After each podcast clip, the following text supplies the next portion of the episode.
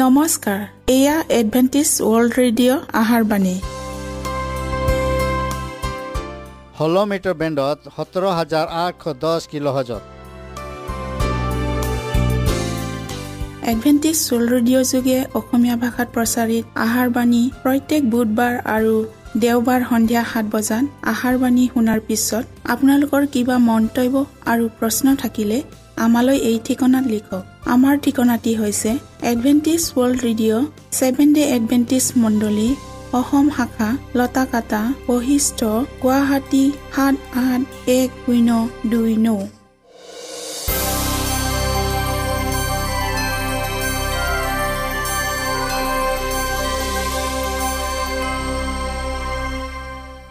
প্ৰিয় শ্ৰোতা বন্ধুসকল এতিয়া শুনো আহক এটি খ্ৰীষ্টীয় ধৰ্মীয় গীত।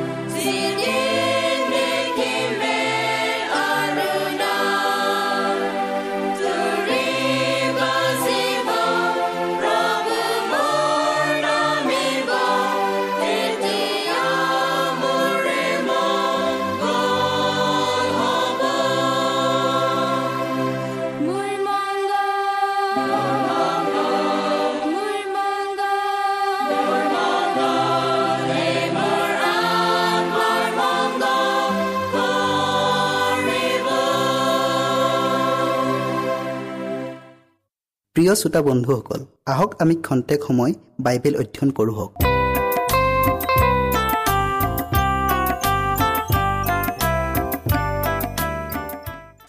আজি আমি ঈশ্বৰৰ লোকসকলক পৰীক্ষাত বহোৱা হ'ব ইয়াৰ বিষয়ে অধ্যয়ন কৰোঁ হওক। বাইবেল পদটি লোৱা হৈছে মঠি সাত অধ্যায়ৰ বাইছ আৰু তেইছ পদ। সেইদিনা অনেকে মোক ক'ব হে প্ৰভু হে প্ৰভু আমি তোমাৰ নামেৰে ভাবুক্তি প্ৰচাৰ কৰা নাইনে? আৰু তোমাৰ নামেৰে ভূতবোৰক খেদোৱা নাইনে? আৰু তোমাৰ নামেৰে অনেক পৰাক্ৰম কাৰ্য কৰা নাইনে? তেতিয়া মই সিহঁতক স্পষ্টকৈ ক'ম মই তহঁতক কেতিয়াও জনা নাই। সেই অধৰ্মাচাৰীবোৰ মোৰ ওচৰৰ পৰা দূৰ হ। আমি প্ৰাৰ্থনা কৰি লওঁ হওক। স্বৰ্গত থকা জীৱনময় গৰাকী ঈশ্বৰ যে হোৱা ধন্যবাদ প্ৰভু তোমাৰ অনন্ত কলীয়া আশীৰ্বাদৰ বাবে। প্ৰভু আমি আজি ঈশ্বৰৰ লোকসকলক পৰীক্ষাত বহোৱা হ'ব ইয়াৰ বিষয়ে অধ্যয়ন কৰিবলৈ আগবঢ়াইছোঁ। প্ৰভু তুমি আমাক জ্ঞান আৰু বুদ্ধি দিয়া আৰু প্ৰত্যেক শ্ৰোতাৰ লগত পবিত্ৰ আত্মাৰ যোগেদি থকা আৰু হৃদয় স্পৰ্শ কৰি দিয়া। যীশুৰ নামত খুজিলোঁ আমেন। আমি প্ৰতাৰিত হোৱাৰ প্ৰয়োজন নাই। আচৰিত আচৰিত দৃশ্যবোৰ যিবোৰ চৈতানৰ লগত জড়িত হৈ আছে সেইবোৰ আমাৰ সন্মুখত অতি সোনকালে আহিব। ঈশ্বৰৰ বাক্যই ঘোষণা কৰিছে যে ছয়তানে আচৰিত কাৰ্য কৰিব। সি মানুহক নৰিয়াত পেলাব আৰু তাৰ পাছত তাৰ ছয়তানী শক্তিৰে তাক হঠাতে আঁতৰাই দিব।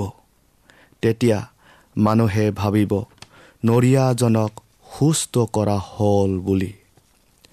ঈশ্বৰৰ আজ্ঞা পালন কৰা সকলক পৰীক্ষা কৰিবলৈ এনে উপৰুৱা কাৰ্য তেওঁবিলাকৰ মাজতো কৰা হ'ব।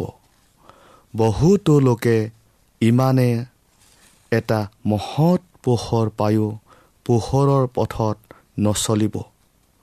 কাৰণ সিহঁত কৃষ্টৰ লগত এক নহ'ল। আমাৰ মানুহখিনিয়ে ভীষণ নিৰাশাত কান্দি কান্দি প্ৰাৰ্থনা কৰিছে আৰু ঈশ্বৰৰ নিশ্চিত প্ৰতিজ্ঞা পাবলৈ নিবেদন কৰিছে। আনফালে দুষ্টসকলে আমাৰ চাৰিওফালে শাৰী পাতি পাতি আমাক বিদ্ৰোপ কৰিছে আৰু আমাক ধ্বংস কৰিম বুলি ভাবুকি প্ৰদান কৰিছে। আমাৰ নম্ৰতাক আমাৰ দুৰ্বলতা বুলি সিহঁতে আমাক উপহাস কৰিছে। আমাৰ সংখ্যা তাকৰ দেখি সিহঁতে আমাক ব্যংগ কৰিছে আমাক জোকাইছে আৰু নানা কটু কথাৰে আমাক বৰকৈ আঘাত সানিছে পৃথিৱীৰ আনবোৰ মানুহক ৰেহাই দি আমাৰ ব্যক্তিগত স্বাধীনতাৰ ওপৰতহে সিহঁতে আক্ৰমণ কৰিছে। সিহঁতে আমাৰ উপাৰ্জনৰ উৎসবোৰক বন্ধ কৰিলে যাতে আমি কিনিবও নোৱাৰোঁ আৰু বেচিবও নোৱাৰোঁ আৰু আমাক নিতৰুৱা কৰি অৱস্থাহীন কৰিলে। জগতৰ লগত মিল নোহোৱাকৈ আমি কেনেকৈ জীয়াই থাকিব পাৰোঁ তাক কিন্তু সিহঁতে নেদেখিলে। সিহঁতে ভাবিছিল যে আমি জগতৰ ওপৰত নিৰ্ভৰশীল। আৰু জগতৰ কৃষ্টি সংস্কৃতি পৰম্পৰা ৰীতি নীতি আৰু জগতৰ ধৰ্মক মানি ল'বলৈ স্বীকাৰ কৰি ল'বলৈ বাধ্য হ'ম। নহ'লে ধ্বংস হ'ম। কিন্তু ঈশ্বৰ যি হোৱা আমাৰ সৰ্বযুগৰ আশ্ৰয়। সিহঁতে ঘোষণা কৰিব যে সিহঁতৰ লগতো সত্যতা আছে। সিহঁতৰ মাজতো আচৰিত কৰ্ম কৰিব পৰা ব্যক্তি আছে। স্বৰ্গৰ পৰা দূত আহি সিহঁতৰ লগত কথা পাতে।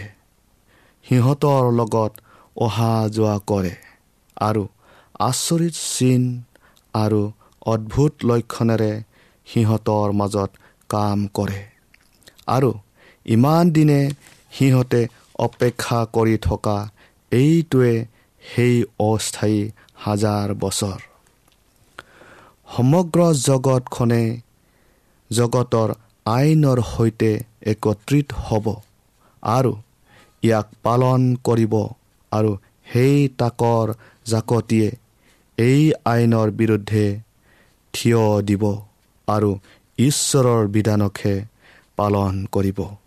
আৰু অৱশেষত সমগ্ৰ জগতত একমাত্ৰ শুদ্ধ দল বুলি পৰিগণিত হ'ব। আচৰিত কৰ্মত বিশ্বাস কৰাটো ঈশ্বৰৰ লোকসকলৰ বাবে নিৰাপদ নহয়। কাৰণ ছয়তানেও নকল আচৰিত কৰ্ম কৰে। তেওঁবিলাকে ঈশ্বৰৰ জীৱন্ত বাক্যৰ ওপৰতহে নিৰ্ভৰ কৰি চলিব লাগিব। শাস্ত্ৰত এইদৰে লিখা আছে।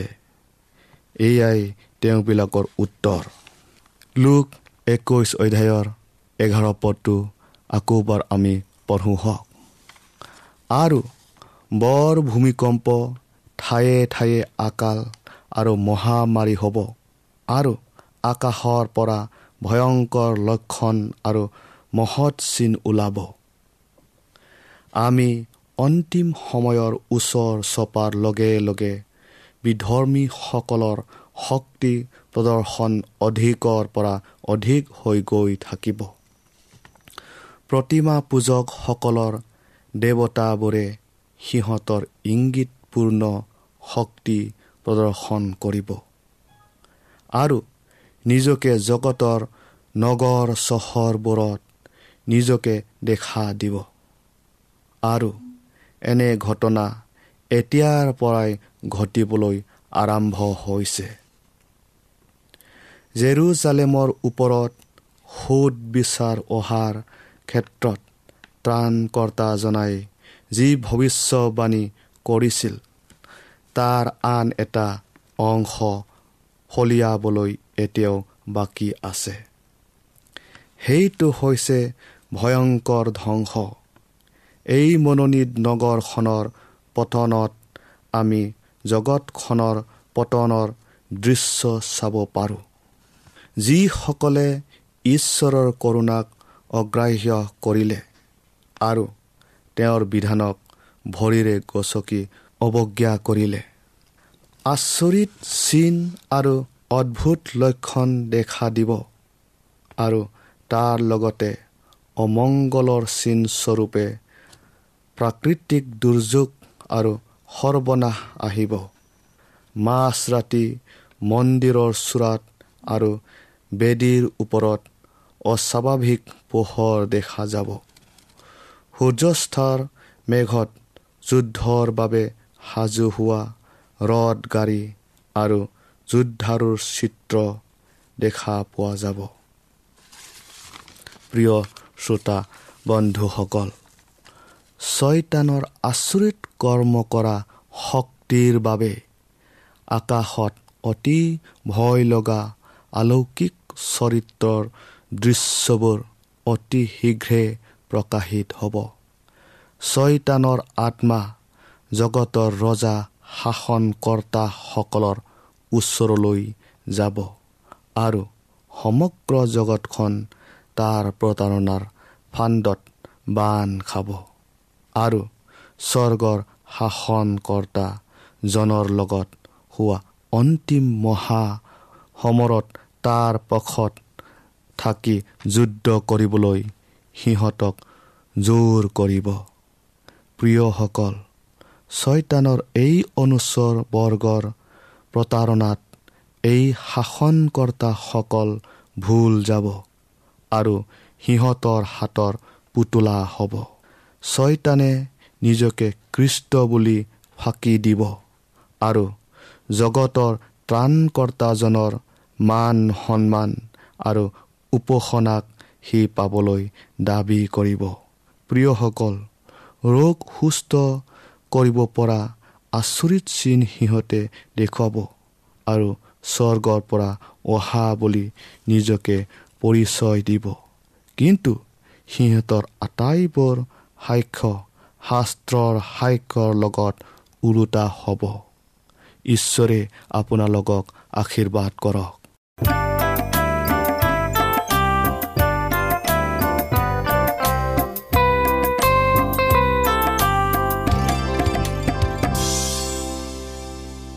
ইমানপৰে আমি বাইবেল অধ্যয়ন কৰিলোঁ এতিয়া আকৌ শুনো আহক এটি খ্ৰীষ্টীয় ধৰ্মীয় গীত।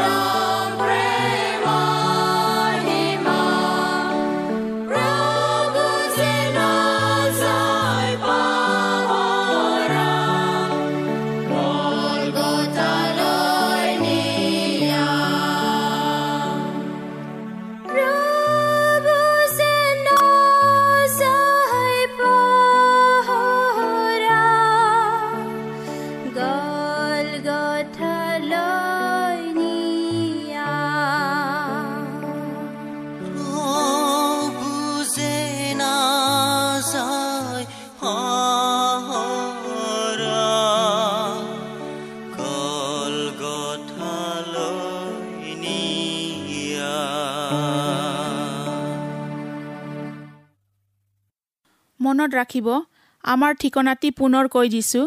Adventist World Radio' Assam region of Seventh Day Adventist Voice of Hope Latakata Basistha Guwahati seven eight one zero' two nine প্ৰিয় শ্ৰোতা বন্ধুসকল এডভেণ্টিজ ৱৰ্ল্ড ৰেডিঅ' যোগে আহাৰবাণী প্ৰচাৰত আপোনালোকক পুনৰ লগ পোৱাৰ আহাৰে আজিলৈ সামৰিলোঁ। ধন্যবাদ।